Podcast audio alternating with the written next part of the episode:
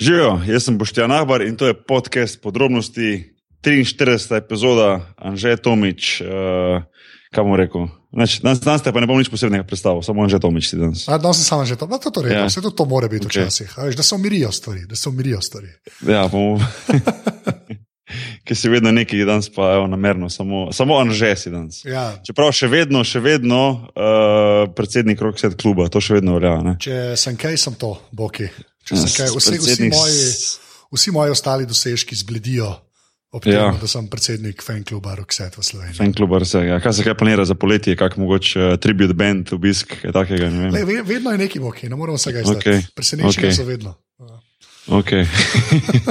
Zakaj da- ja, okay. Nehimo peljati to, ker je postaja, ta fikcija bo postala realnost. ja, res je, res je. Če še ni. Če, ja, V glavnem si v redu. uh, sem, sem, ti imaš pa neki slab glas. Slab glas imam, ja, zgubil sem ga.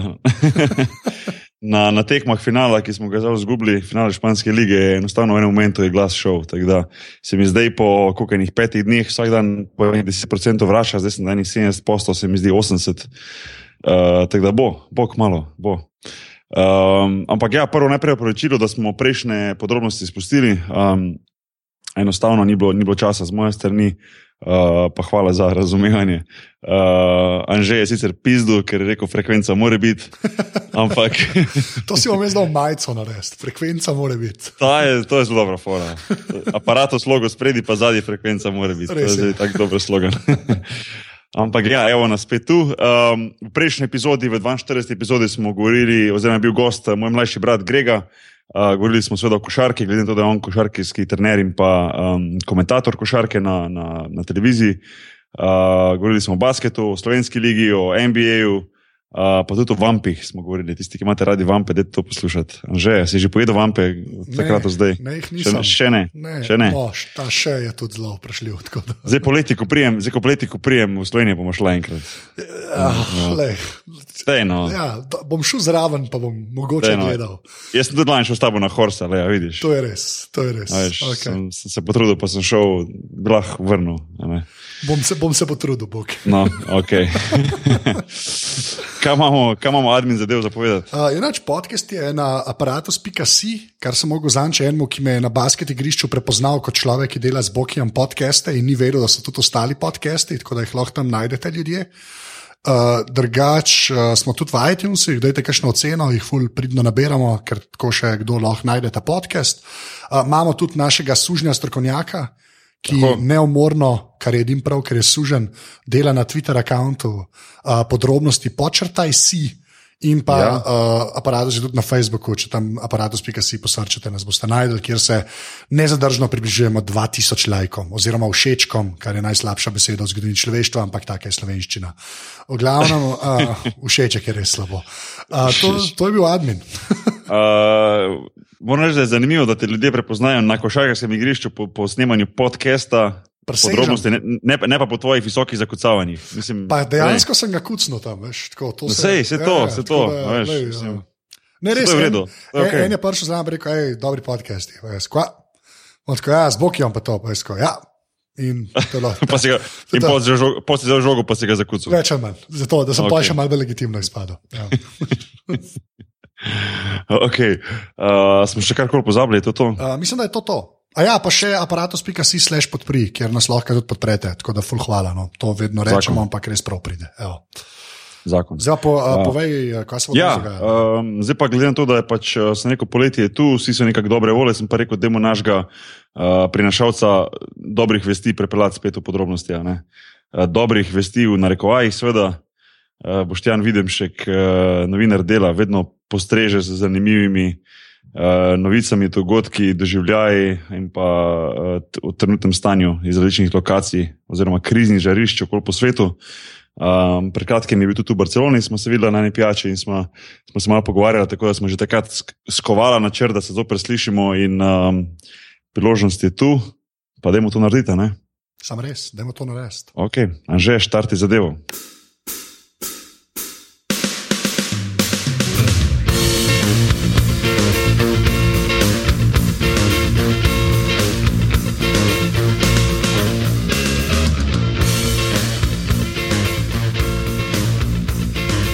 Ok, torej, uh, Boštjan, se slišmo. Vse slišimo, ampak rahlo razbito od tega vajenega mesožderskega voda kot uh, militantni vegetarijanec se tišim v kotak in stiskam zobe. Prvo vampi, pa pa hors, ja, to je kar, to je kar reda. Tako ja. To je kar reda. Ej, že obaši, kako si kaj. Čak, pol, eh, pol predvidevam, Bliže tako le. predvidevam, da, predvidevam, da zraven na vampe ne bo šel. No. Uh, ne. Vampov je toliko, vse naokoli. Da. Ja, Zigbo je ena juhca, tudi za boštja, po moje, to na panike. Ja, ja. ki jo bom sam ustvaril od gnusa. Tako imenovani samo jed. Dobro smo začeli, moram reči. ne? Štartamo, Ja, ja, štartamo zelo dobro. Geostrategije. štartamo na polno. Um, Bošti, odkar smo bila, oziroma boš boštjan, teda vse bošti, a ne vse bo, Može. bos, bost-hi. Zakaj bost-hi na Twitterju? To mi povej, zakaj bost-hi? Zato, Zakaj ker nisi- še ne gre čez, če se ne motim. Ja, še ne gre, ne, še ne, Ne, ne funkcionira. Ne. Zakaj pa, Prozaičen razlog. zakaj pa H zraven? Je kaj pa je SH, je še ne. Ja, pa če je Zato- B, bo, B, Ker O, S, T. Komuniciram in z germanskim in z romanskim A. trgom hkrati. Ja. Okay. Aber, aber ja, jih understand, ne vem, to se slabo se je končalo tole. V glavnem, eh, odkar smo se videli v Barceloni, kar je bilo po mojem, kaj ne dva meseca nazaj, nekaj takega. Ne?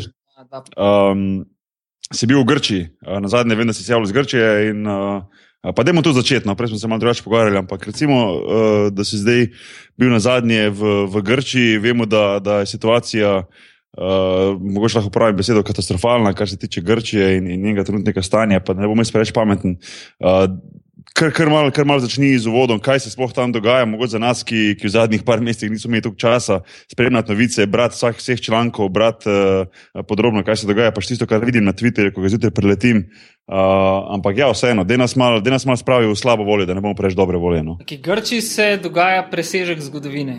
Ne, to pomeni, da se v neverjetno kratkem času uh, zgodovinske, ekonomske, politične in družbene silnice tako ostro prepletajo, da se iz tega v nobenem primeru ne more iz, izplen tega v nobenem primeru ne more biti pozitiven. V nedeljo, uh, 5. julija, um, bo v Grčiji referendum, ki ga je sklicala sedanja Sirizina vlada, na katerem se bodo ljudje, kot stisnjeni ljudje strani mednarodnih finančnih institucij in Evropske unije odločali, dobesedno odločali o svoji prihodnosti. V vsakem primeru, komor, na kakršen koli način se bodo opredelili o vprašanju, ki išče podporo oziroma zavrnitev novega paketa usiljenih vrčevalnih ukrepov, uh, bodo izbrali um, neko neugodno, trdo, uh, utrudljivo pot, ki vodi um, na pota dodatnega uh, trpljenja in humanitarne katastrofe.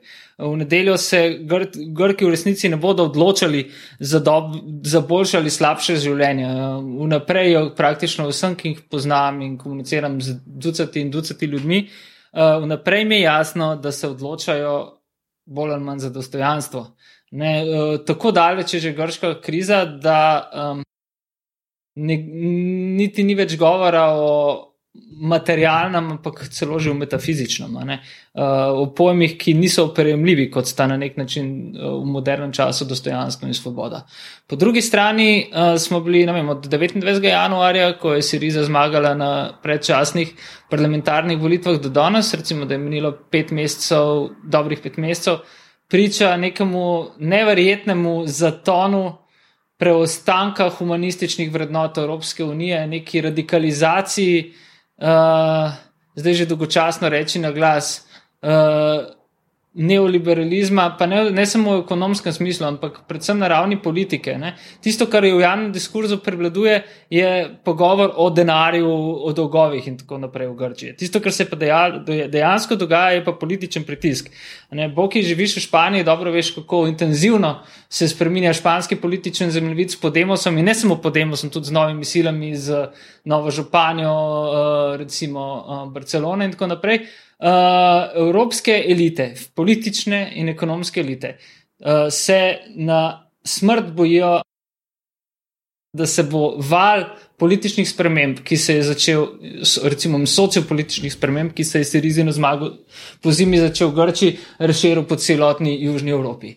In referendum kot zasilni izhod, ki si ga je izbrala grška vlada, ki praktično ni imela možnosti v teh enosmernih pogajanjih, kjer je ona morala igrati pokr z odkritimi kartami, na drugim pa si je nasprotnik z zaprtimi kartami te zbiral sam, uh, je preprosto rekla, dosta više, ne zmoremo več uh, naj odločijo ljudje. Ne? Glede na to, da si Riza dobili dobrih 30 odstotkov na parlamentarnih volitvah, si po mojem mnenju na nek način demokratično pravilna odločitev iti na re referendum o tako pomembnem vprašanju, kot je uh, prav definicija prihodnosti. Uh, ampak v tem trenutku ima Siriza in njena vlada največjo podporo do zdaj. To še ne pomeni, da bo referendum uspel. Ljudje v Grčiji se, velik del njih, identificira s Sirizo, pa ne v ideološkem, političnem smislu, ampak v tem, da je Siriza stisnjena kot tako, kot so, so stisnjeni oni sami. Identificirajo se v nekem personalnem, emocionalnem smislu. Uh, Uh, na referendumu pa, po mojem mnenju, ne bo popolnoma tako.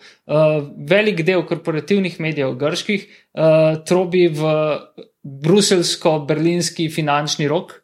Uh, za mediji stojijo oligarhi, ki obvladujejo še vedno kljub serizini zmagi in res slaba šala nekemu neosocializmu, ki v Grčiji seveda ne obstaja in tudi, po mojem mnenju, zares ne more obstajati tukaj in zdaj. Uh, trobijo, kot rečeno, v, Brusel, v bruselski rok in napihujejo atmosfero strahu. Prav atmosfer je tisto, kar se zdaj v Grči dogaja in napihuje, mislim, s tem se tudi ustvarja ogromna tesnova in veliko ljudi je v velikih dvomih, kako se v nedeljo odločiti. Um, če pade referendum, oziroma če uh, se Gr Grki vendar odločijo, da nadaljujejo z vrčevalnimi memorandumi, ki so državo vrgli v tretji svet in jo humanitarno, družbeno in politično postošili, uh, potem je konec sirizine vlade, padec in konec njene zgodovinske priložnosti, s tem totalen, absoluten in nepovraten poraz, vsaj približka nove evropske levice in uh, zacementirana pot na to rečemo in zapišemo v italiksu kapitala do popolnega triumfa brez neposrednih uh, sovragov ali pa nasprotnikov. Po drugi strani, tisto, kar je nujno dodati, pa bom ta daljši elaborat hitro zaključil, je, da mora biti padec Sirize ne pomeni samo vrnitve, uh, ko bi rekel, kolaborantskih, janičarskih, mramorjansko-cerarjevskih politikov uh, Grčije, uh, pomeni radikalizacijo pa ne v smeri centra, kajti ne vem, vsaj v Sloveniji živimo v radikal, diktaturi radikalnega centra, ne, pomeni nekaj drugega, pomeni dodatne točke v naslednjih 18 do 24 mesecih, najkasneje za um, Zlato Zoro, za neonaciste in uh, morda zelo kmalo, zelo kmalo je recimo v roku dveh let. Um, bomo lahko govorili o grški kristalni noči. Pika. Ah, kam on. Tu, če gre vse po gobe, valjda zlata zora, nima šans. Kam on, to, a veš, no, se to sam jaz upam. Ne, je nekdo rekel, Hitler leta je. Ja, ok, ne, ne, ne bomo. Ne. Ne, škaj me samo zanima, škaj me samo zanima, ena stvar me res zanima. To, kar si rekel, ne, za ta referendum. Ne. Ta, kako pa ti skonsolidiraš v glavi to varianto, da večina Grkov bi rada imela evro, ne?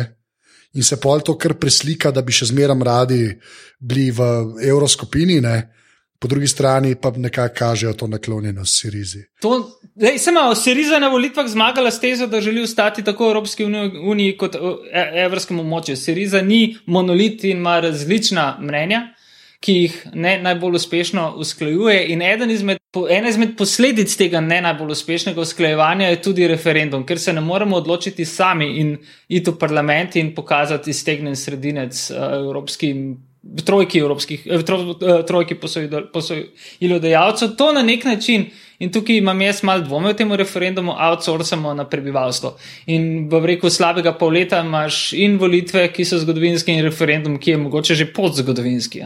In to je problematično. To, to, in tukaj se vrnemo v izhodišče teze, da pač Grki živijo presežke zgodovine in presežki zgodovine so vedno zelo, zelo zajebane. A pa mislim, da če ne gre skozi, ne, da to dejansko ustavi novo levico po Evropi. Mislim, da to kve, vetra iz jadra vzame, da sem kjer drugje ne more več od tega zgoditi ironično, če greš skozi, se to zgodi. Ja, veš, če odgovor da, potem vrtiš. Ja, no, pač, ja, ok, sorry. Krepi uspejo. Ja, ne, ne, ne, ne, ja, ja, ne, ne, ne, sej se razumemo, govorimo isti jezik. Uh, ja, ne, uh, z, ravno zaradi tega, ker uh, je en kup teh, uh, no, mislim, manjši kup novih levičarskih strank. Uh, v Sirizi uh, najdu nekega svojega vzornika, liderja, navdihovalca. Ne? Ne vem, recimo v Italiji, Italija je šla na evropske volitve z geslom skupaj z Aleksisom Ciprasom, tudi slovenska združena levica, ki po mojem mnenju razen uh, neke fantazme.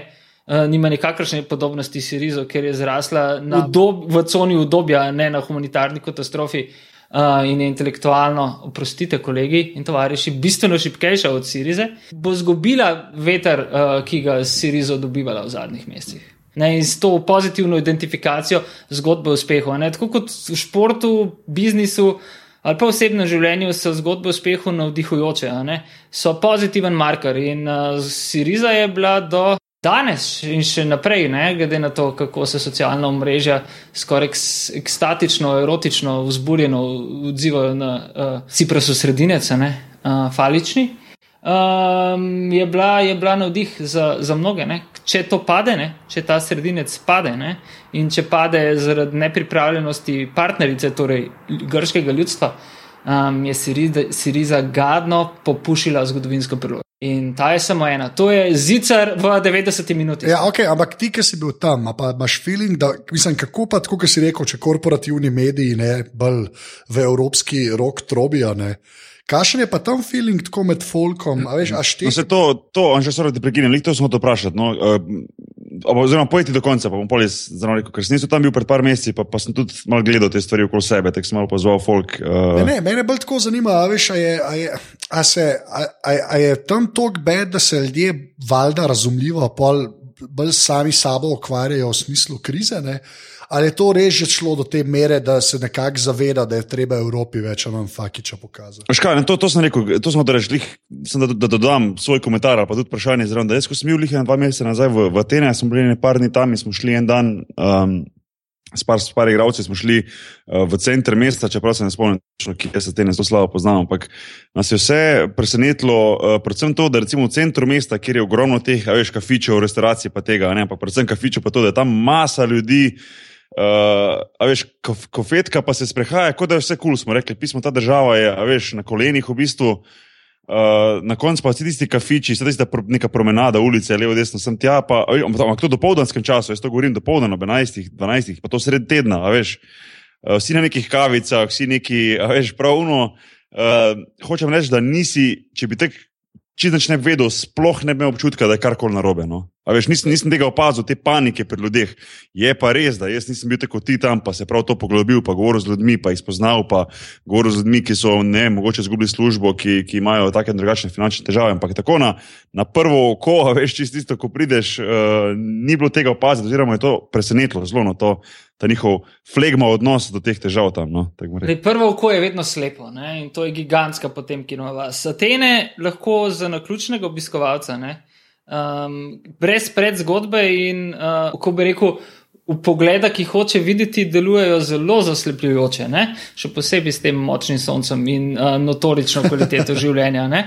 Ampak uh, to je v politično-socialnem smislu res huda potemkinova vas, ne? ki mene spominja na um, kaj bo to leta, konc leta 43, začetek leta 44, je, um, so, je, so nemške oblasti organizirale tak guided tour, tako rekoč turističen, uh, ogled enega izmed koncentracijskih taborišč, koncentracijskih taborišč, mislim, da Terezienstadt, uh, za vodstvo Rdečega križa. Ne? In oni so tam naredili tak model city, ne, kako mi lepo delamo z judovskimi zaporniki, ki so v bistvu prav reko prostovoljna delovna sila. Ne. In so zgradili tako rekoč uh, Sim City, nekje, ampak ne v smislu igrce, ne v smislu filma, ampak igrce iz konca 80-ih let. Ne. Vse štimalo, ne, dokler nikjer ni bil požar.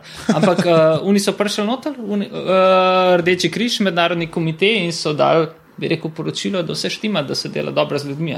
Na prvi pogled lahko marsikdo doživi podobno uh, iluzijo v Grčiji. Ne? Ko greš pa že na, na, iz uh, središča mislim, recimo iz Plake, predvidevam, da si bil v tistem delu, proti Omoni, kakšnih 900 tisoč metrov uh, stran, ne, proti nekdanjemu glavnemu trgu Aten. Uh, pa se zaletiš v tretji svet in vse tisto, kar ta v svojih najbolj negativnih konotacijah pr prinaša. Ne, um, ne pozabiti, da je grška ekonomija, če, če uporabimo ta moderni jezik, ne, ki ekonomijo daje pred ljudi ne, in številke pred uh, imena, uh, padla za dobro četrtino v krizi. To je, to je četrtinski padec BDP-ja, se dogaja samo državam v vojnah. Uh, in ja, drž, Grčija je na nek način država v vojni, v finančni vojni. Je, uh, na Grčijo se ni šlo s tanki, na Grčijo se je šlo uh, z bankami. Uh, they were occupied by banks, not by the tanks, uh, pravi stari slogan. Ne?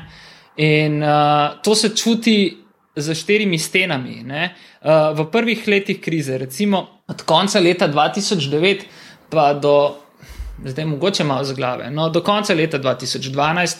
Uh, so bile grške ulice polne, imel si letno 200 do 300 res velikih, prote res velikih protestov, vrste njih sem se udeležil, tako kot 150-200 tisoč ljudi in to je bilo res divje. Veš, tako, Grčija je bila na ulicah ne, in to se je ponavljalo, ponavljalo, ponavljalo. Ne. Uh, ampak to nima neskončne energije. Ne? Uh, protesti so doživljali nekako socialen, življenjsko kvalitetni, emocionalen, osebnostni poraz za porazom.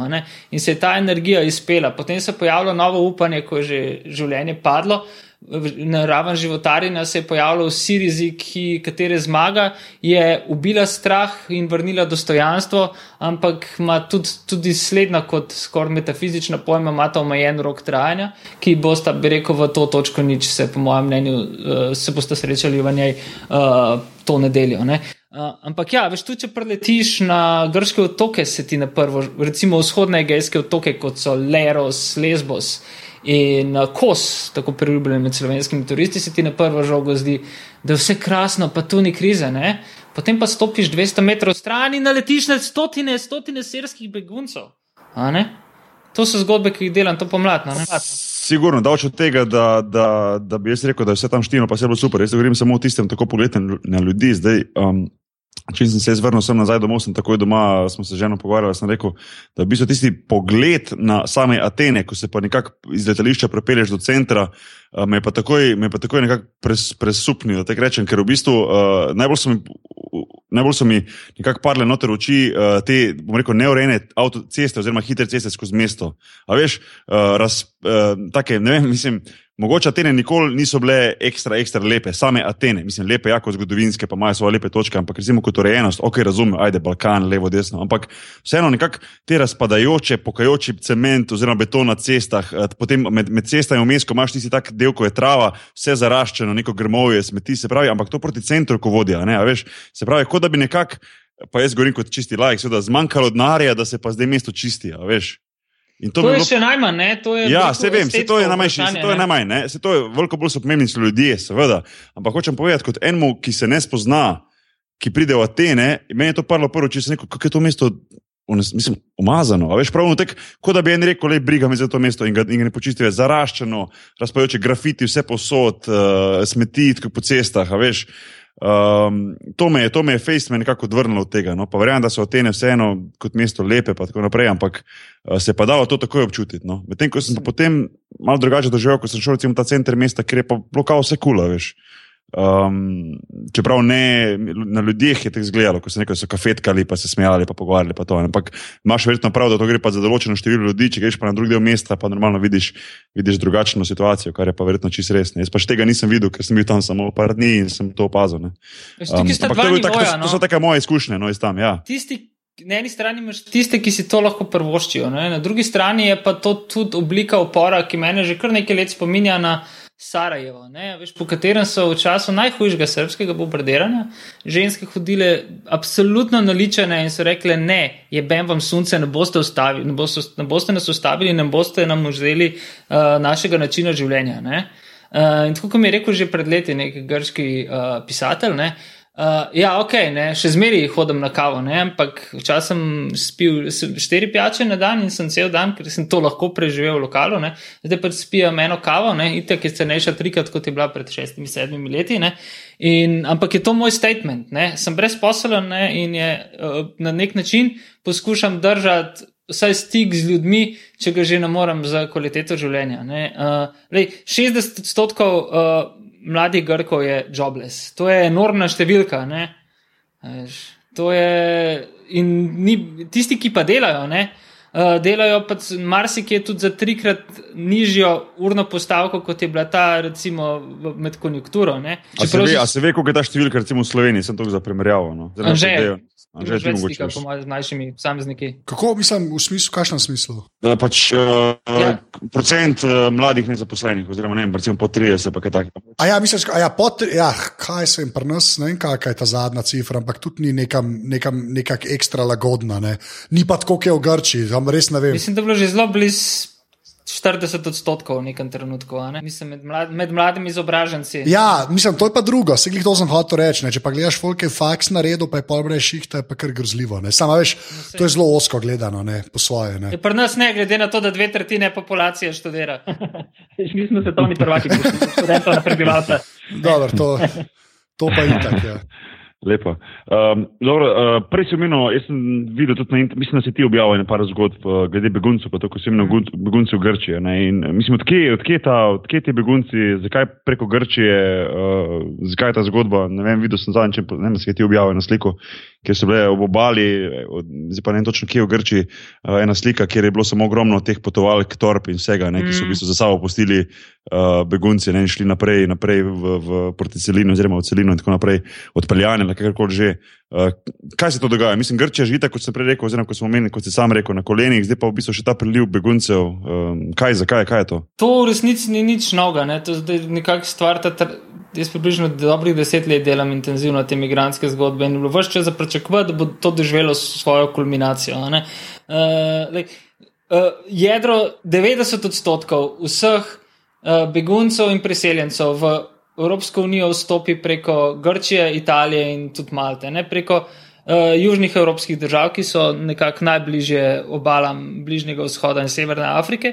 Po drugi strani ne, ima pa Grčija to ob vzhodnih ogejskih otokih zares dolgo in zelo bližno morsko mejo s Turčijo. Ne? In preko morske meje s Turčije v Grčijo vstopajo večinoma serski begunci. Serski begunci, ki, so, ki prihajajo direktno iz vojne ali pa prihajajo že iz, drž, iz držav, kjer so že nekaj časa v begunstvu in praktično tam nima več nobene prihodnosti. In bodi si, kot rečeno, Turčije, kjer je zelo veliko serskih beguncev, Libanona, Jordanije in tudi severnega Iraka. Ne? Te, število, to število se seveda stopnjuje, v tej igri intenzivno sodeluje tudi Turčija, ki uh, masno služi preko smaglerjev in trafikarjev. Uh, na grški strani pa so se stvari v zadnjih mesecih mogoče malenkost spremenile uh, v odnosu, tega, uh, v odnosu recimo policije do, do, do beguncev, ampak v resnici niti ne zelo zares. Še vedno so odkovani namestitveni centri, ki spominjajo na koncentracijska taborišča in ljudje tam noter dobesedno izginjajo. Uh, ampak to jih to, to ljudi ne ustavi. Ko živiš, ko bežiš za življenje, ne,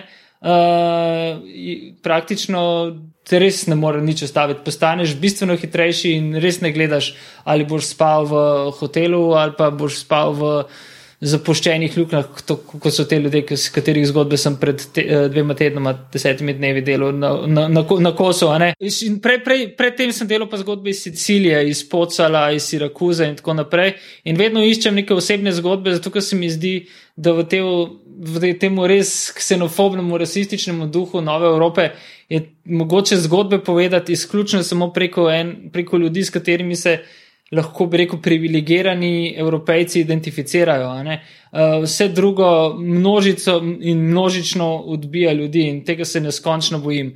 Uh, nikoli ni bilo toliko gnusnega, neonacističnega, brutalno. Rekastega komentiranja pod teksti, kot zdaj. In podoben je odnos do Grčije. Ne? Tako kot uh, Evropa in s tem Slovenija zavrača begunce in priseljence, tako zavrača tudi Grčijo, ki jo ima za tujek v lastni privilegirani sredi. Pa kdo smo mi, da bi se posebna periferija pri tem počutili poklicani, da bi obsojali kogarkoli ali pa se počutili bolj vredno od kogarkoli.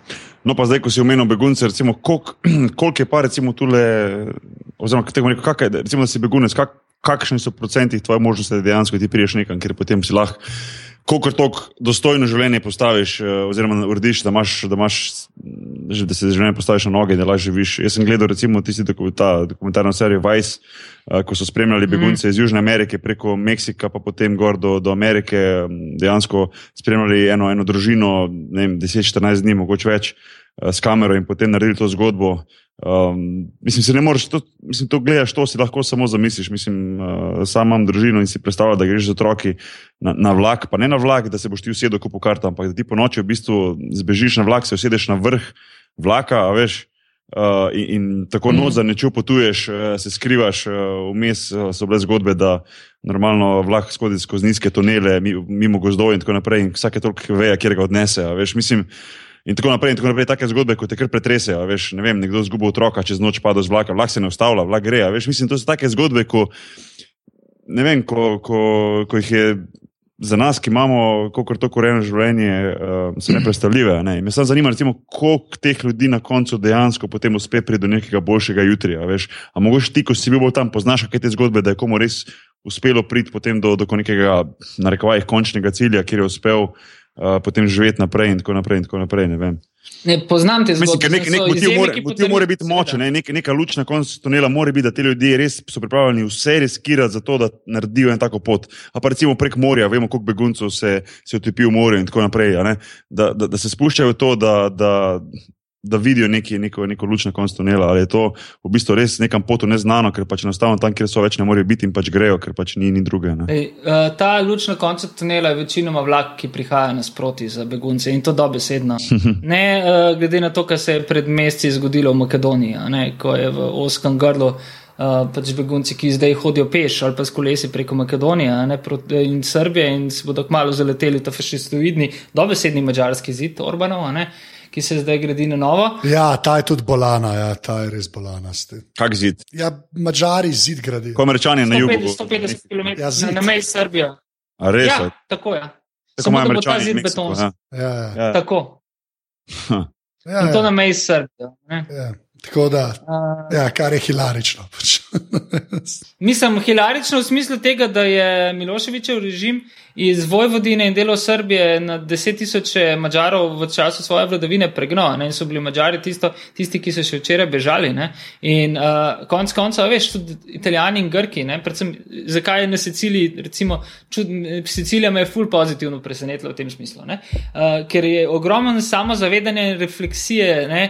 In zaradi tega pomoči uh, beguncem in priseljencem. Kaj ti še generacijo, dve nazaj, je bila ravno Sicilija tista v nekaterih desetletjih, tudi 40 odstotkov prebivalstva, ki od, so ljudje odhajali, ne kamor so prihajali. Uh, in podobno je bilo z Grčijo. V času med državljansko vojno pred, in sploh v času med prvima, prvo in drugo svetovno vojno je bila Grčija prostor rekel, odprtega bega ven. Uh, in uh, zaradi tega je tudi malce več pri tistih, ki se zavedajo, kaj se dogaja, je zelo velik nekega pozitivnega, humanistično naravnanega aktivizma. In uh, vse čas srečujem ljudi, ki ogromno in dobre volje pomagajo beguncem in preseljencem. Ampak da se vrnemo k tistemu ključnemu vprašanju, ki je ful pomembno. Ne? Če, sem, ja, veš, če obstaja kakšna uspešna zgodba, ne? seveda, da obstaja. Kot rečeno, to so izjeme, ki potrjujejo pravilo, ampak da iščeš praktično matematičen model, evo, ne kako to gre. Družina iz Alepa, največjega sirskega mesta, trgovske, trgovske prestolnice, kjer, se, kjer je bil močen srednji razred, ki je živel zelo dobro in je bil za razliko od kakšnih drugih sirskih mest, Damaska, Lataki, Homsa, Homsa, bistveno manj politiziran in bistveno manj je bilo tudi obveščevalno policijsko-vojaškega security nasilja. Ne? Ravno zaradi dobro delujočega biznisa in tudi ni bilo medsektaških sporov tako visokih, kot so bili kje druge, tako močnih. Ta družina kar naenkrat zgubi vse, kar ima. Uh, vem, ščerka in sin ne morata več hoditi v šolo, oče je padel na fronti, mama se odloči, da bo s družinskimi prihranki rešila otroke in s pomočjo svojega brata se poskuša preko Turčije prebiti kamorkoli že, samo da preživi. Mesto se počasi ruši, nikamor več ne more, Uh, ena hčerka je posiljena. Še vedno hoče zbežati, nima več možnosti, denar, ker nič ne funkcionira, uh, izginja. Plačajo prekupčevalce, jih te pripeljejo do turške meje in jih pustijo na samem, ampak so še vedno v seriji sledi bombardiranje. Mlajši sin umre, mama ostane sama s, traumatizirano hčerko. Odločite se, te, odločite se, bo šle naprej. Nekako ima z ostanki denarja, uspe priti v Turčijo, kjer imata neke sorodnike, znance in te jih iz recimo Gaziantepa prestavijo do po kopenskih poteh poceni avtobusi do mesta Bodrum v, v Sredozemlju, ki je oddaljeno, če se ne motim, šest morskih mil od Kosa, ne? od mesta Kos na otoku Kos. Kamor je prišlo v letošnjem letu že 8000 sirskih beguncev, uh, in je tudi poleg Lesbosa ključna pot v Evropsko unijo za begunce, ki jih Evropa, Evropska unija, kljub temu, da je sodelovala pri podpihovanju srske vojne, še vedno ne spreje. In uh, ljudje, ki so izobraženi, ki so vrhunsko z bližnjo vzhodne razmere živeli, so praktično že izgubili vse. Mama in hčerka plačata še tisto, kar jim je preostalo, torej uh, tisoč evrov na osebo, da z starim gumenjakom sredi noči prideta na kos. To ima uspe, pot traja šest mesecev. Koliko Kako šest mesecev? Ne, ne, ne, šest mesecev cel pekič traja. Recimo, Ta je v bistvu varnejša pot. Če greš, čez, če greš iz Libije, seveda proti Lampeduzi ali pa Siciliji ali pa ne vem, uh, na, na, na, na, Italijan, na, Italijan, na celino ali pa proti Malti, to traja tudi po dva, tri, štiri dni. Ne, uh, nekak, če imaš srečo, ko te pustijo na morju, predem umreš, ker to je zdaj taktika, da se pač ugaša motorje ali pa jim zmanjka benzina in se potem čaka nek outsource odgovornosti smaglerjev, da te reši obalna straža, ne, ki pa tudi ne more rešiti vsega, ker je, uh, ker je podhranjena finančno, kadrovsko itd. Je to, to še veliko huje. Pa večino ljudi, ki prihajajo iz Libije, mora prejšeti čez vse puščave Sahela, ki so smrtno nevarne in underreported, in v njih praktično ne vemo ničesar. In to so dejansko, med njimi niso samo vojni, pa begunci, pa begunci iz revščine, ampak tudi tisti begunci, ki bodo dominirali v prihodnosti. To je treba zelo na glas povedati, klimatski begunci. To je temna prihodnost, ki prihaja, suha, vročinska prihodnost, ki prihaja. In Evropa je prostor, kjer klima niti ne bo tako peklensko udarila, kot bo kje druge. In zopet klima deluje tako, kot delujejo postkolonialni šoki. E, najbolj revni in že žrtve enkratne kolonializma plačujejo dvojno ceno za naše stare grehe. Okay, pa da se vrnemo k črki in mami na um, kos, kjer ste ravno pristali pristaneta brez vsega, ne morete si privoščiti poceni sobe, končata v, med samimi moškimi uh, v zapuščenem hotelu Captain Elias na obrobju Kosa, kjer ni tekoče vode, kjer ni elektrike, kjer ni ničesar, ampak so tam ljudje odvisni od milosti uh, humanitarne lokalne organizacije, gibanja Kos Solidarity.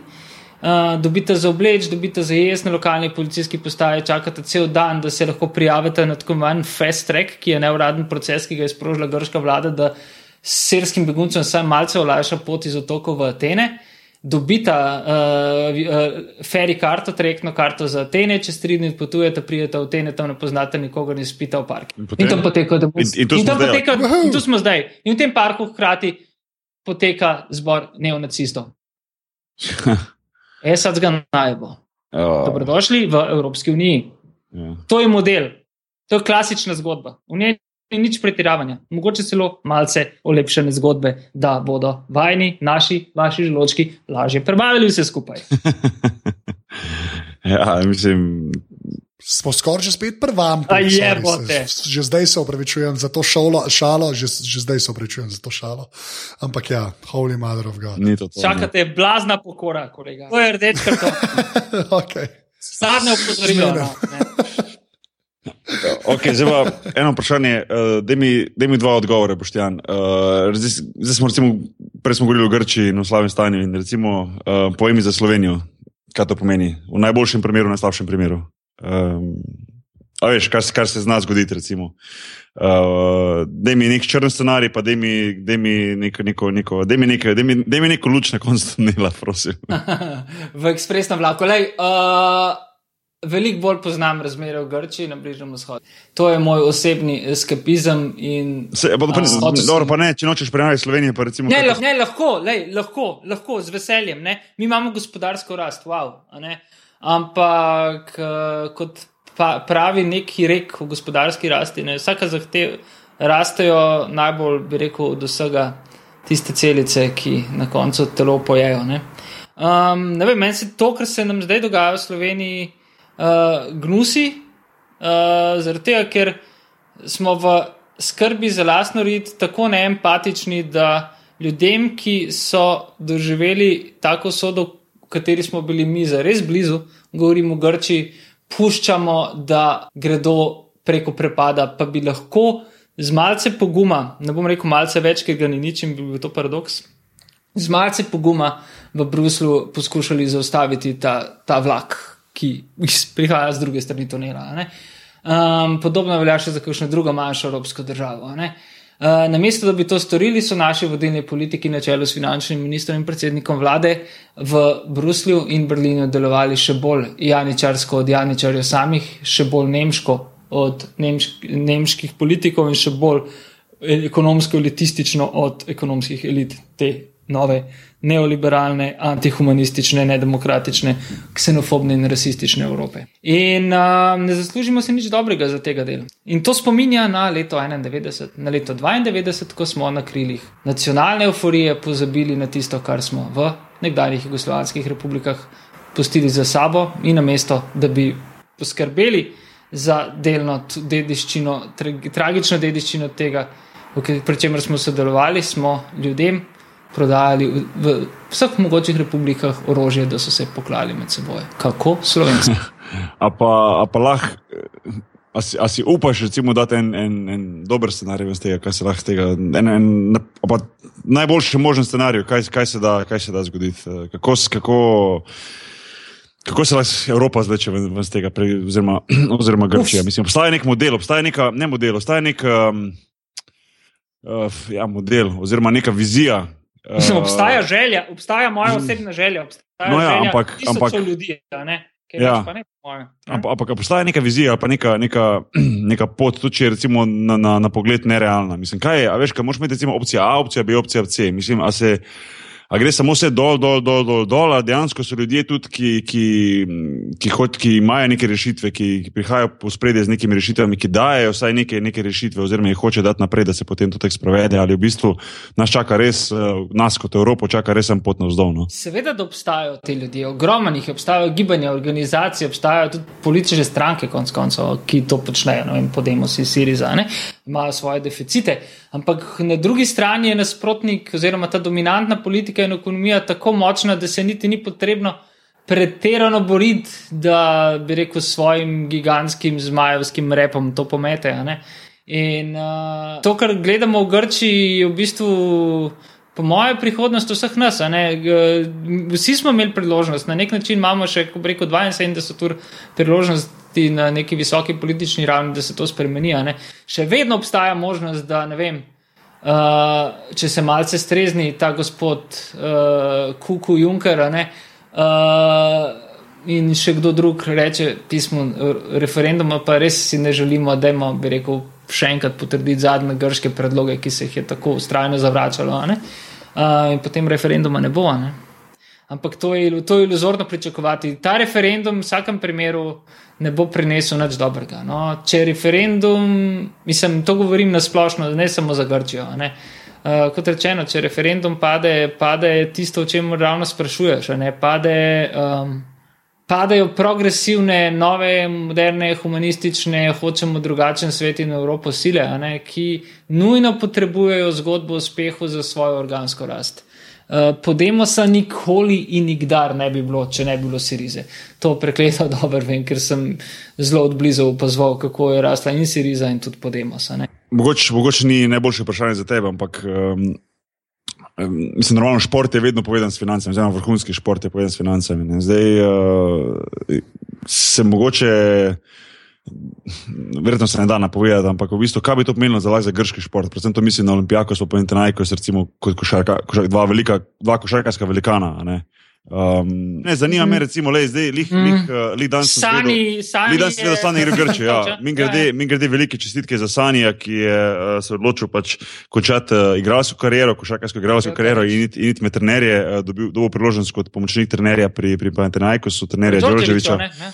Tako da to je fantastična novica. Jaz sem res neverjetno vesel za njega. Vem, da si je dolgo želel, oziroma dolgo govoril o tem, da bi rad bil trener, ampak da bo lahko začel tako visoko, to je super videti. Tako da, eh, Sani, če slučajno poslušaš, si se mu ni tako slišal, no? ampak vseeno, ful, ful čestitke. Ampak to me zanima. ne, Um, a veš, kaj to pomeni zdaj v neki končni fazi za nek, nek šport v, v Grčiji, ki je seveda, podarjam, nepomemben v primerjavi z težavami, ki jih imajo tam ljudje in tako naprej. Šport je le na koncu, oziroma košarka je le igra in ko prije take stvari naprej, uh, kot so zdaj težave v Grčiji, so veliko bolj pomembne kot šport. Ampak me pa čisto zanima, ne, um, a veš, uh, kaj lahko pričakujemo? Se pravi, kaj tudi, uh, da bo, da bo šla ta dva kluba dol, oziroma da bo šport na, na splošno, ki verjetno že padel face, da potem ne bo več konkurenčen v Evropi, ne košarka, tudi ostali športi. Um, ne vem, mislim, lahko sploh odgovoriš na to. Veš, Mislim, da intenzivno spremljam, spremljam grški šport, ker se, smo obsedeni s tem. ne. Olimpijako smo hude težave, ne, zaradi tega, ker je pač njegov lastnik eden najbogatejših Grkov in tudi eden najbolj umazanih oligarhov. Ne. Um, ga, ampak obstaja pač vrsta oligarhov v Grčiji, ne, med njimi tudi dotični, ne, ki so praktično v resnici, potem, ko se stvari grejo čez sodišče, ostanejo nedotaknjeni. Ne.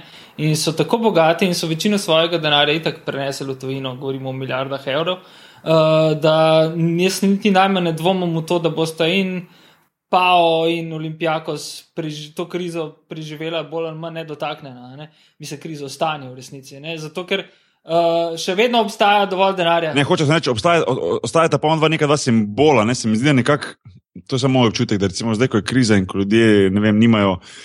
Nimajo veliko stvari, v katerih se lahko veselijo, pa tisti res goreči pripadniki, pa Antenajko se ne pijakosa in mi tisto ostaja, to je nekako tista svetla točka. Veš, tako da mogoče na nek način, ne vem, to čisto moje razmišljanje, te klubi še, še, še bolj nekako pridejo na, na površje, ker so neka, nek, nek vir neke, neke, veš, neke, neke radosti, oziroma nekega, da lahko nekaj navijaš, nekega, da, neke motivacije, zdaj veš, da, da podpiraš nek klub, da imaš to pripadnost, eh, če že država oziroma politika ni tista, za katero bi se lahko opredelil, podprl in tako naprej. Mislim, da se tudi preko navijaških skupin zelo politično, poteka zelo intenzivno politično udejstvovanje. Žal je treba spet jugoslovanske paralele povleči. Jugoslovanske vojne, so se, jugoslovanske vojne so se začele maja 90 uh, na stadionu Maksimiru, ne na tekmi Dinamo Zvezda, ki je nikoli ni bilo.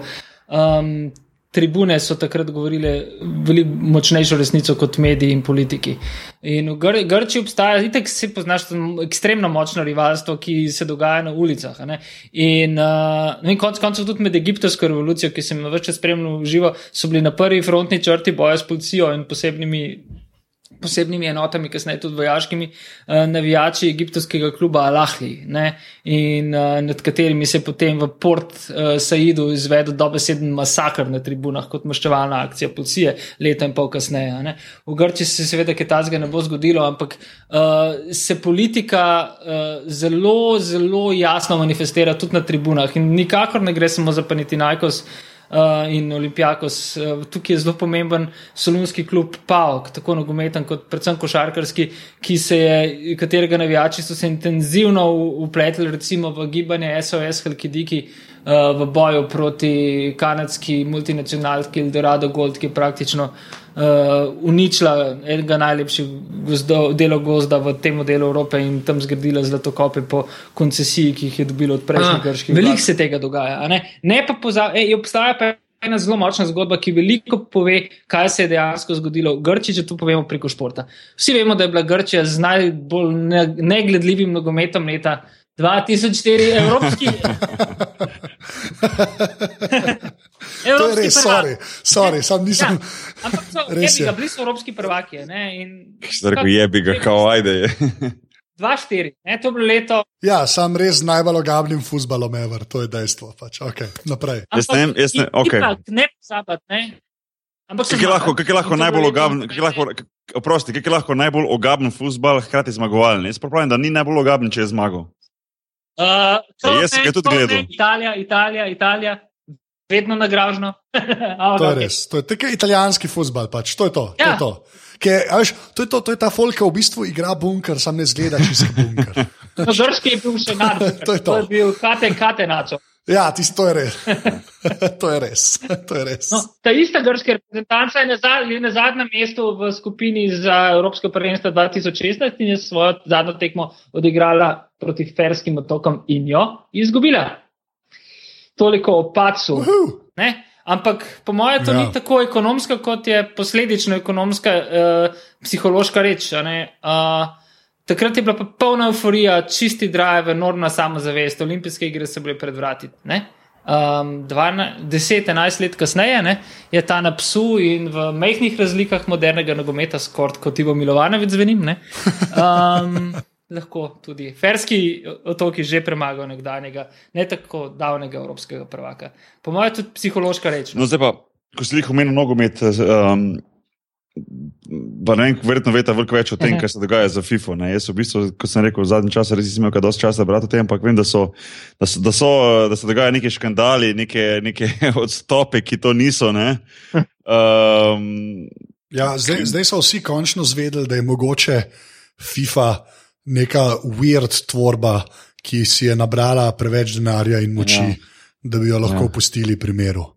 Kar je prej zmeraj se skrivalo ne, za svetovnimi prvenstvi, ki so še vedno ne, taki spektakli, da je že, da je že kar mal kičasne, ampak je cela ta mašinerija v zadnji očitno že tako gnila, da je težko razumeti, kako do tega pride, če nisi, po moje, član neke brutalne korporativne strukture. nekaj, more, nekaj mora biti narobe, da je tako fajn. Ja, ne, pa sem ja. tako, kako sploh pač pride do tega. ne.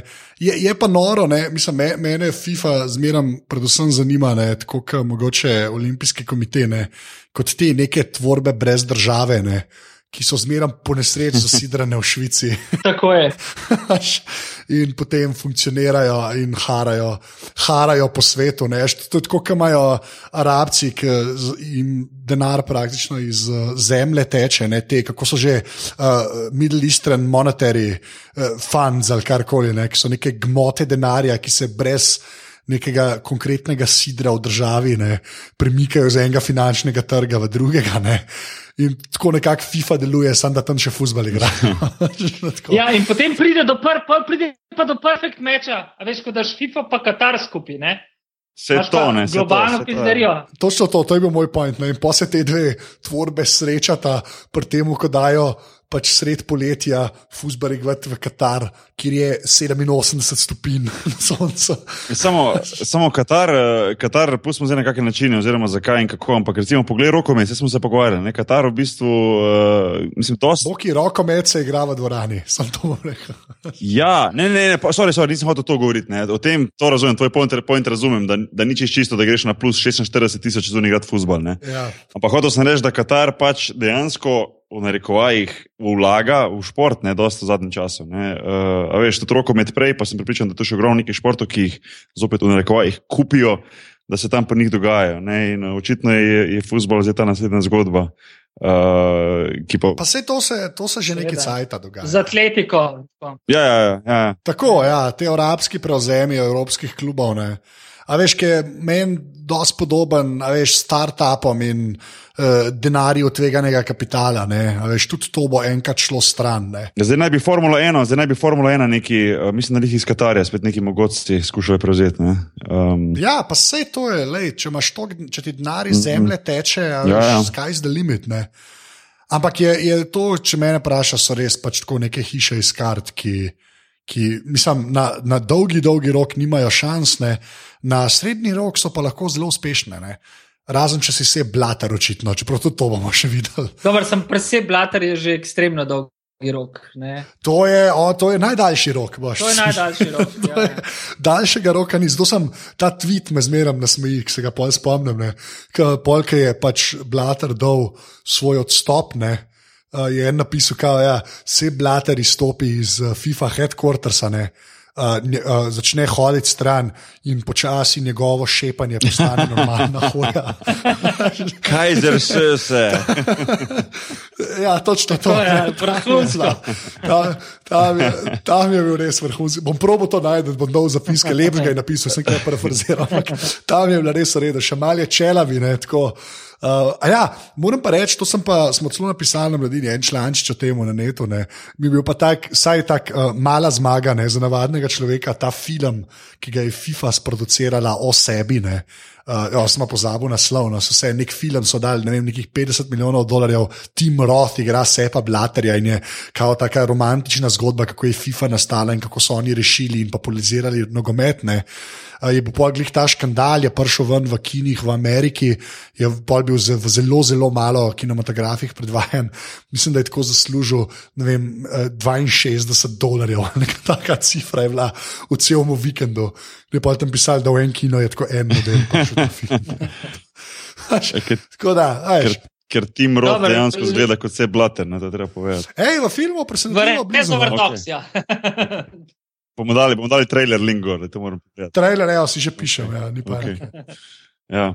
Uh, boš tam, kako ti gledaš na to, na ta FIFA? Mislim, ti, ti, ti imaš rad futbol, ti si futboler. Čujem ga, ja, rad ja, no. imam nogomet, ampak sovražim korporativnost okoli njega. Uh -huh. uh -huh. uh, in mislim, ne preseneča me to, kar se je zgodilo. Obstaja en zelo pomemben faktor, ki ga kle ne smemo spregledati. Ne? Uh, zgodba se je v bistvu sodno odvila v Združenih državah. Ne? Ja. In doživela v bistvu najmočnejši odziv v Angliji. Ne? In ta isti dve državi ne, sta bile ključne tekmici Rusiji za svetovno prvenstvo 2018 in Katarju za leto 2022. Sore losers. Ja, ne, ampak seveda, no, ampak, kakor to ne zmanjšuje ne, greha, grehov, enormnih grehov FIFA, najboljše izhodišče je pač, ja, to je no, organizacija nad državami v Švici, ne, ja, ki sem, deluje kot švicarske banke. Je pa zanimivo, zanimivo se je začelo, mislim, zanimivo pač, ja po svoje zanimivo, da se je vse to skupaj začelo v Ameriki, ki v bistvu ima res dejansko nogomet za bolj obrobni šport. Čeprav popularno svoj rast v zadnjih letih, oziroma mogoče malo stavilo, to ne, ampak imajo vse svoj basket, eh, NFL, baseball, NHL in tako naprej. V bistvu se je pa vsa ta štorija začela tam. Ne, in, uh, Uh, Magli zato, ker futbol ni svetinja, pravijo neki moji znanci. Ne? Veš, zato, ga jemljajo, pismo res kot uh, uh, nek normalen sodni case. Uh, uh, ker te ljudi, ki tam sodelujejo, ne jemljajo kot uh, nedotakljive. Ne? Uh, Mislim, to se recimo v Ameriki ne bi mogli z NFL-om zgoditi. Ne? Recimo tako, vse je slaba primerjava, ne? ampak tako je v Ameriki, pač ameriški futbol čislan, ne? tam se ga skoraj ne upajo lotiti, pa zdaj se že več ali manj ve, da eh, ljudje umirajo zaradi tega športa. Ja. Ja, ja, ja, ja, ja. Zaradi, nad sokarjem se pa gliham ben ne, ne, ne slini, ne? tako da jim je dosto vse. Ne, ne, jaz vedno mislim, recimo, da ja. tako si omenil, recimo ta ameriški futbol. Še vedno mislim, da v končni fazi se bo premaknilo nekaj v tem, ko se reče, da ljudje umirajo zaradi tega, ko v bistvu imajo head trauma, pa ne vem, kaj se je. Ja. Isto, ko so recimo bejzbol, se spomnim, bejzbol, koliko časa so oni na stran potiskali te probleme za, za steroidi, veš, pa, pa uporabo prepovedanih živil. Samo zato, da so lahko njihovi igravci podirali rekorde, da so imeli čim več homoranov. Zgledali so dejansko res kot eni napihnjeni baloni, veš, za kijem v roki. Jaz sem bil takrat v Ameriki že, ko se je takrat začelo to dogajati, um, ko so bili to v bistvu škandali in, in tako naprej, tak naprej. Ampak se je na koncu odkrilo, da je dolg čas liga vedela za to, pa so to nekako. Niso bili direktno krivi, niso pa bili v bistvu čist čisti, ker so v bistvu pač to nekako dajali pod preprogo. A veš, kaj mislim? Ja, pa se, ampak veš, so, so, so si pa vmes, pač so bejzbolu vzeli 15-20 let ne, vseh možnih statistik, ki so jih zdaj sicer omaknili, ampak veš to boš trajal, da se pozabi, se bejzbol je nerealno padel. Ne, ne ampak ho, hočem reči, pač, ja, moj, moj point je bil, da pač dokler je denar prihaja, veš, da je biti tiho, da je to, veš, oziroma mm -hmm. čim bolj predstaviti na kasnejši datum, oziroma kasnejši čas, kar, če je možno. Vse, ampak veš, fora je temu, da Amerika je, pač, kar se športa tiče, zelo zanimiva žival, ne? ker oni so pač ta prototip tega modernega pač kapitalizma. Ne? Uh, v bistvu demokratičnega, če se človek pa to reče. No, no, pa v športu, anže v športu imajo dosta stvari, ki mi je fulšeš, recimo, prilig, prilig. Res je, ampak vem, veš, ampak en NFL ne, je, je proti uh, evropskemu sistemu športa. Ne, Jaz govorim, kako so klubi povezani, kako lige funkcionirajo. Ne. Je en ameriški NFL uh, največja komunistična komuna po karkoli se je v Rusiji dogajalo, takoj po revoluciji. Zakaj? Ne razumem, zakaj. Pač, zato, ker si talajo denar, razumeš? Tam je to firma, ne? ki si tala denar, ne, tam ni tega, veš, tam ni nobene borbe, okay. ne, v Evropi je pa glih kontra, ne, mi smo pa vsi kao uh, neki socialisti, kvazi, ne, potem imaš pa v športu je pa tak uh, darvins, darvinski boj ne, med klubi, da preživijo. Ne. Ja, sam v bistvu res je, res je, sam nekako na koncu sem. Okay, ja, razumem, to je ponta, pa na koncu mi vseeno zdi nekako veš, ono, pick your poison, veš. Ampak recimo se mi zdi vseeno bolj, da v bistvu klubi, se, tako se reče, da klubi sodelujejo med sabo, da je to neka velika mašina za denar. Na, na koncu se mi zdi, da na igrišču samem, pa ne glede na to, da je to NFL, NBA, kakor se itak ekipe, se, igravci med sabo, na rekvaj, stepejo. A veš, kaj mislim?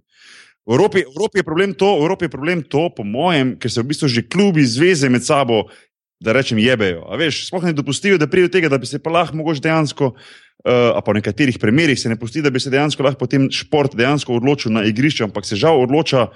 A veš, med štirimi stenami v pisarnah prek uh, odvetnikov, kako že. Ne, ne, pa se to vse res. Jaz, jaz ne pravim, kaj je boljš, pa kaj je slabš. Jaz sam pravim, da pol v unih primerih, ne, uh, pri njih, ki je to ena firma, ki ima vse pod kontrolo, ne, je mogoče dosti lažje, da se zgodi to, kar se je tam v bejzbolu zgodilo, ne, oziroma da, se, da je dosti lažje to, kar je NFL tudi zelo dolgo delal, kar se teh uh, možganskih mm -hmm. poškodb uh, tiče. Zdaj, ker dejansko ni nekega glasu, ki bi kontriral. Ne. Ajš, pa, pa če zdaj gremo nazaj še na FIFO, ne? Ajš, FIFA je pa še nadnacionalna. Ne? Jaz mislim, da je to največji problem FIFA. Ne? No, FIFA ima tudi bistveno več članic kot Združeni narodi. Ne? Mislim, da je največja organizacija na svetu. Je, je nadorganizacija. In... Točno to, ne? oni so nad UN-om, kar je bolano, če pomisliš, ker je to pač firma, ki organizira, se vem, da več stvari delajo. Ampak oni organizirajo na štiri leta en turnir. To ni. Veš, to, pa, pa, ta gnar, ki se tam obrača, pa pol, ki slišiš te horor storije, ki, uh, če McDonald's da denar, lahko samo McDonald's stvari prodajo, okoli stadiona, drugače vas bomo zaprli. Veš, mislim, to je. To so... Vse to je, tega je vedno več tudi v Evropi, se mi zdi v samih športih. Sej, po svoje razumeš, po svoje razumeš, po svoje pa to bolana stvar. No. Ne, pa sej, lej, te stvari, se točno to, te stvari do ene točke imajo čist smisel, zato da se pač šport ohrani, da, se, da je denar za popularizacijo, se da tam manj denar.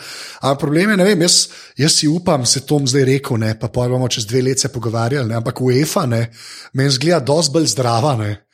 Vem, da na eni točki ne bo več, ne. ampak se mi zdi, da dejansko dosti bolj zdrava deluje, kot je FIFA kadarkoli delovala. Tako Saj meni, jaz ne vem, koliko je to res. Ne? No, ampak bi to rekel tudi predtem, ko so prišle ven vse te škandali. To, bi takrat rekel, da ti, da ti UEFA deluje bolj čisto, kot pa to rečeš zdaj, ko pač je fakt. Pač, ne, ne, ne. Ja, ne že, meni je že to, da recimo to, kar je platini naredil, ne boš ti kleme popravi, če sem kaj zmotil. Ampak je dol, da morajo eh, teli uh, prvaki med sabo igrati, napredno Champions League pridejo. Ne? Veš, to, to je to, to, to nekaj tazga, si pač, FIFA se vem, da je drugačen primer, ampak ne bi nikoli prvošla. Ne. Ker veš, kratkoročni finančni cilj ne, je to napaka, da Maribor igra uh, Champions League, ne, če ga lahko Liverpool. Ne. Ja, ja, razumem. Ja, veš, mm. Ker je pač več denarja v Liverpoolu. Ja. To je, no, zdaj, to je tudi vsak... marketinška zgodba. S tem se je širila Liga prvakov v vzhodno Evropo, ne, ki je v uh, letu 2005 bila enormna tak. Ne pozabi, da je Ukrajina bila nogometno enormno bogata država. Ne, ne sem, mislim, mi z Dinamo, ki je od Dniprom šahtjarjem. Ne, tam je bilo full cache, isto velja tudi za Rusijo, ne, ki je postala za nekaj časa celo obljubljena država za druge šalon najboljših futbalerjev. To gre zdaj počasoma malo. To je res, jaz si upam reči, da Ruse pa Ukrajince lahko tudi drugačno odprpeleš, kot to, da daš, da se prvaki med sabo dobijo po random žrebu. Pa se ni random žreb. Vse so se organizirali po skupinah. Veš, uh... No, no, no, se, ampak hočem samo tako reči, da ti pač da dejansko lahko, veš, en Maribor dobi nekoga, ki ima pač šanse, da premaga, ne da. No, tako, tako. Fašejo zmeraj enega iz ranga višji. Veš, mislim, se, tam imaš feeling, da je bila zadeva, jaz si štekam, da je marketinško, ampak je tako, tudi nekako deluje, kot da je bil vzgib ta pravne. Neki demokratičnosti. Ja, tega, tega vzgiba pa pri FIFI že dolgo, dolgo ni bilo čutiti. Seveda, da ne, ampak ne, ne moreš pa zanikati, da niso širili trga. to, to, To je, to je res, ampak, ampak veš, to jaz vidim, kvečem v pač čist pozitivno. To meni ni, to ni slabo samo po sebi. Ne. Mislim, da uno zgib v zadnji je dosti važen in si upam reči, da en platini, recimo, ki se je to takrat spomnil, ne, če bi un šved ostal, ki je bil prej 17 tisoč let, ne, šef OEF, mogoče se to ne bi zgodil. Ne. Blatar pa tam v tistih pisarnah sedi že od leta 1812 ali jaz ne vem, kdaj. Res je. Od izuma usnja dalje. Od časa, časa Napoleona, tako boš rekel. To je. Točno to, ko kolo še ni bilo na vseh vozovih, ali whatever. Mislim, in, in res, sej, jaz, jaz iskren, a veš, mentaliteta, ki se ustvari v taki organizaciji, mora biti nora. Ne? Jaz sem stal, da pol tega folka se jim je to zdel par for the course, to je bilo tako, tako se dela, tako je življenje. Ne? Ker je to, je, to a veš, kle ni precedensa. Ne? Až ni, pre, ni, ni benga, benih vzvodov, ni ben, kot checks and balances, pa to tam noč ne obstaja. To je neka res naddržavna tvorba, ki se je tako izrodila, da moj bog. No. Ja, ja, no, ampak prej, boš tam prej si rekel, da, da, so, da je, ne moreš oporekati FIFI, da pa ni širila trga. Recimo, recimo, To je bila cinična izjava. No, no, ampak, okay, ampak, recimo, ne- ampak, Ja, ja, nek to način, bo no, joke, ja. ampak razumem na nek način, da pač so v bistvu, uh, da se širi tudi s klubi, da daje klubi, da so te dajene te dodatne tekme kvalifikacije, kar koli že. Ne hočem samo povedati, da, da mislim, pa bom možno rekel, da sem pač zelo ljubljen v NBA. Ne, nisem, ampak glede nekaterih stvari pa sem, oziroma ameriških športov. Recimo, kaj, pa Amerika, ameriški šport, recimo NBA, ki se dejansko igra samo tam, ne. Imaš pa ti v bistvu košarko, oziroma NBA košarko popularno po celem svetu. Ne. Se mi zdi, da oni tudi delajo izjemno dobro, glede na to, da imajo ligo samo tam, da ni to zdaj neka, neka svetovna organizacija, da pa se neverjetno dobro vseeno širijo okoli. Uh, po ostalih kontinentih, veš. Recimo, poglej, sploh, kaj so z Azijo naredili. Ne, Vem, pa v bistvu tam ni bilo, ne vem, če je ena tekma ali pa na, na leto odigrana uradna v, v, v Aziji. a Veš, ni ni azijsk- azijskega kluba, ki bi bil v Ligi NBA, pa so poharali trg tam. Ne, a veš. Tak način se mi zdi veliko bolj, veliko bolj so- kul, cool, pa da v bistvu ti skočaš nekako pod prisilo širiti ši, širit, širit ligo z nekimi dodatnimi klubi, pa mogoče kjer pogledaš skozi prste, pa, pa ta bo prišel noter, pa oni imajo več denarja, pa te imajo manj denarja, da jih na stran veš. Meni to, men to nikoli ni preveč dešalo. Zato vedno nekako podpornik bolj te evropske, oziroma to- basket, uh, ameriškega basket razmišljanja, ko je v bistvu liga zaprta, a veš, pa potem si enake ali pa približno enake možnosti, pa potem demo. a ne. Namesto da se da se skozi šport sam ustvarja dobiček v smislu, da je tega sprejeti, ker ima več denarja, pa da ima unga stran, ki ga nima. A veš, to hočem povedati. a ne. To je vrhunsko izhodišče. To je tudi meni zelo blizu. No, a veš, in to, to, nisi to, ravno to, Toronto, pa Vancouver. Ne? No, Ja. ampak, ampak to, to, to, to, to hočem jaz nekako vedno utopično si želeti, da bi recimo Evropa imela tako ligo lahko. ne, a Veš, čeprav to vem, da se nikoli ne bo zgodilo. Ne. Ne, itak se pravi, to se nikoli ne bo zgodilo. Ne, in tudi pač Evropa ni Amerika, konec koncev, če drugače. Sestavljeno vse skupaj, ne, eh, kar se tiče držav in kar se tiče med- odnosov, in kar se tiče samega športa. Tako da to ne, verjetno nikoli ne bo obstajalo, ampak vseeno to si nekako želim, da bi v bistvu imeli vsi uno, even playing field, a veš, in potem ti igraš to ligo znotraj tega. Ne. Vem, vem te star sem pol Slovenije, ni zraven. A razumeš? Ker Ja, Slovenija si je sama vzela možnost, da ne bi bila zraven. Olimpija je imela še leta, bi rekel, licenco za, uh, Evropsko, za Evropsko ligo, ki ni imela več kaj delati v njej. Halo. Olimpija ni To nihče, mislim, Jaz samo hočem reči- basketa od zunaj ni zajebo nihče. To se ful strinjam. Jaz samo hočem reči, da če bi se kadarkoli razmišljalo o zaprti ligi v Evropi, tako kot je NBA v Ameriki, je Slovenija, prosim, najdite mi eno zelo mehko mesto v Ameriki, da ga lahko primerjam s Slovenijo. Mi smo, ne vem, ne, eno, mi smo četrto največje mesto v Ohaju. ja. To smo mi v Evropi. In četrto največje mesto v Ohaju, upajmo, da ima vsaj kakšno lokalno košarkaško ligo. No, ampak Upajmo. Ho- Hočem reči samo to, ne, da sam si seveda to ne bi želel nikoli za slovensko košarko in kot sem sam rekel, dvomim, da bi se sploh to zgodilo na tak način. Ampak eh, si pa nekako itak. Ja. vseeno želim zaradi uh, zdravja košarke v smislu, da se, veš, da se ne dogaja to, kar smo prej govorili. Veš, dajmo, mislim, slovenskega basketa itak zdaj ni zraven. Zakaj? Ker pač ni financa, veš. Tako da, a veš, že zdaj, ko je Ja, tako je kao, v narekovajih, odprt sistem, da v bistvu lahko priješ noč skozi Euro, Eurocup, pa ne vem, skozi neke kvalifikacije, pa ne Wildcard, pa tako Slabo, naprej. Ne? ja. Hm. Že tu nismo zraven. ne. Tako da hočem reči, da zdaj nič ne bi spremenilo to, če bi zdaj ta liga naenkrat nastala evropska. Ne. Jaz, a veš, na tak način. Ne, ne, vse to se strinjam, vse, kle, vse, vse. Če bi se pa, pa, če bi se pa recimo, hočem pa to povedati, ne sem to še, če bi se pa recimo v prihodnosti zgodilo, da bi se slovenska klubska košarka spet dvignila visoko, da bi tu bile finance, da bi postali konkurenčni, da bi recimo tu bila neka druga liga, oziroma niti ne druga liga, da bi tu pač v bistvu bila možnost za eno tako ekipo, bi pač potem naredili, da se pač ekipa seli. Se tudi v Ameriki se ekipa selila, ne vem, iz Vancouvra v Memphis, pa iz tam tam, pa dodajo noga člana, pa tako naprej. Ne? Ampak dodajo na en tak, oziroma spremenijo zaradi zdravja lige. A veš, kaj mislim? Pač v Vancouvru basket ni laufa, odema ga v Memphis, ker je v bistvu bolj košarkarska, uh, dobro, itek je bila Kanada, ampak hoče povedati, bolj košarkarski state, ima konec koncev močen college basket. Uh, a veš, kaj mislim, ima finančno podporo in tako naprej. In so preselili kluba. Isto se je dogajalo v Seattlu, pač od, tisti bivši, bivši čeprav Seattle je bil zelo uspešno košarkarsko mesto, ampak bivši uh, lastnik uh, se ni več v to, ni več bilo to zanimivo in je pač klub, nareko, jih prodal v Oklahoma. Zdaj spet govorijo, da naj bi pač novi ljudje v Seattlu spet ustvarili nov klub, ki naj bi bil dodaten klub v Ligi NBA in tako naprej. In tako naprej.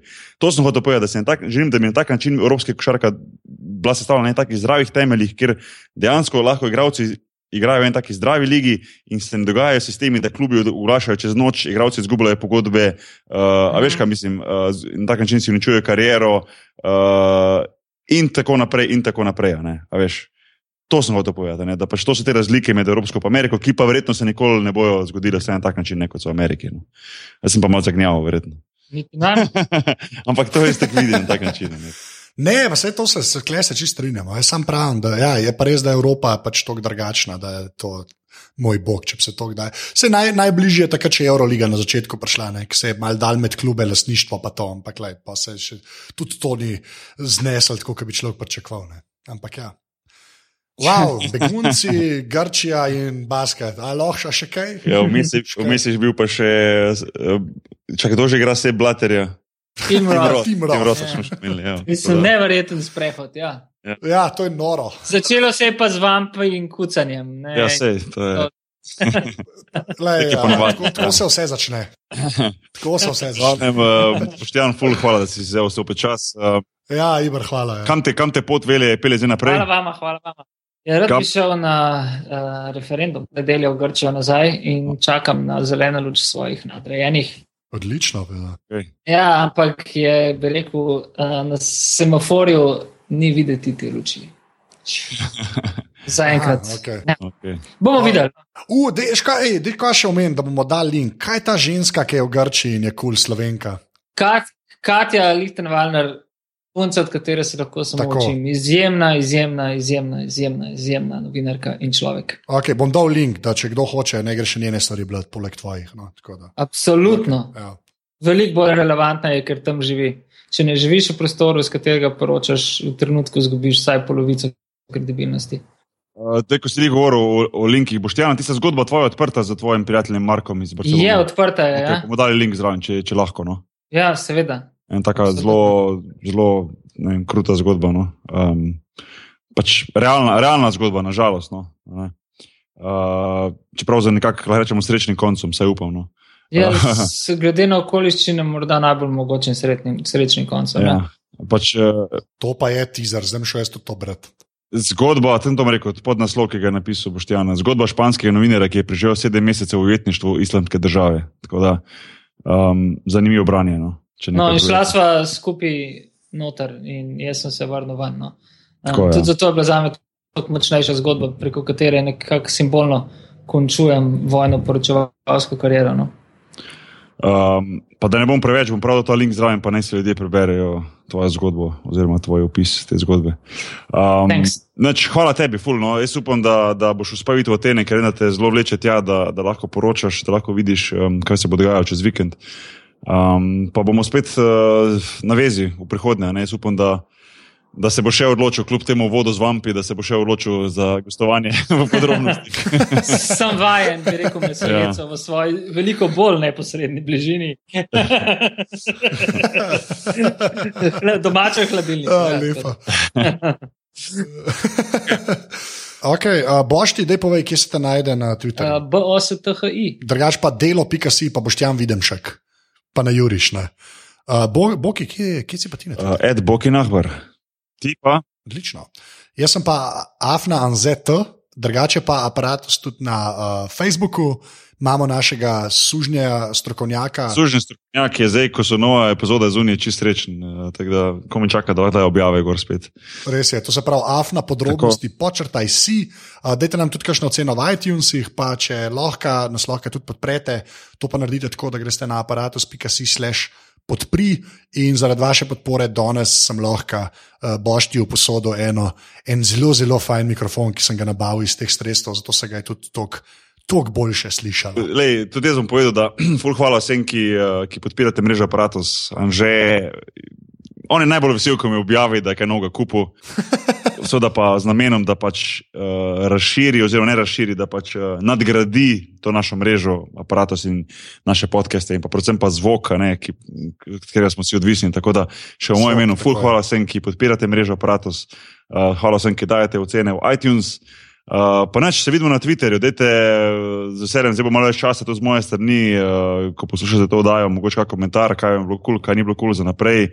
Uh, te stvari vedno rada slišimo. Uh, pa ne gre samo za to, da pohvale, da so pohvale, pa da smo vsi veseli, uhu, koliko smo dobri, ampak dejan, dejansko to je taka uh, kritika vmes. Uh, je sam, je sam dobro, sam dobrodošel, tako da lahko um, še naprej razvijamo to, ta podcast in to mrežo aparatus. Tako da en velik thanks. Ok, zdaj pa jaz rekel 3-4 zdaj in bomo vsi trije rekli Tim Roth. Okay.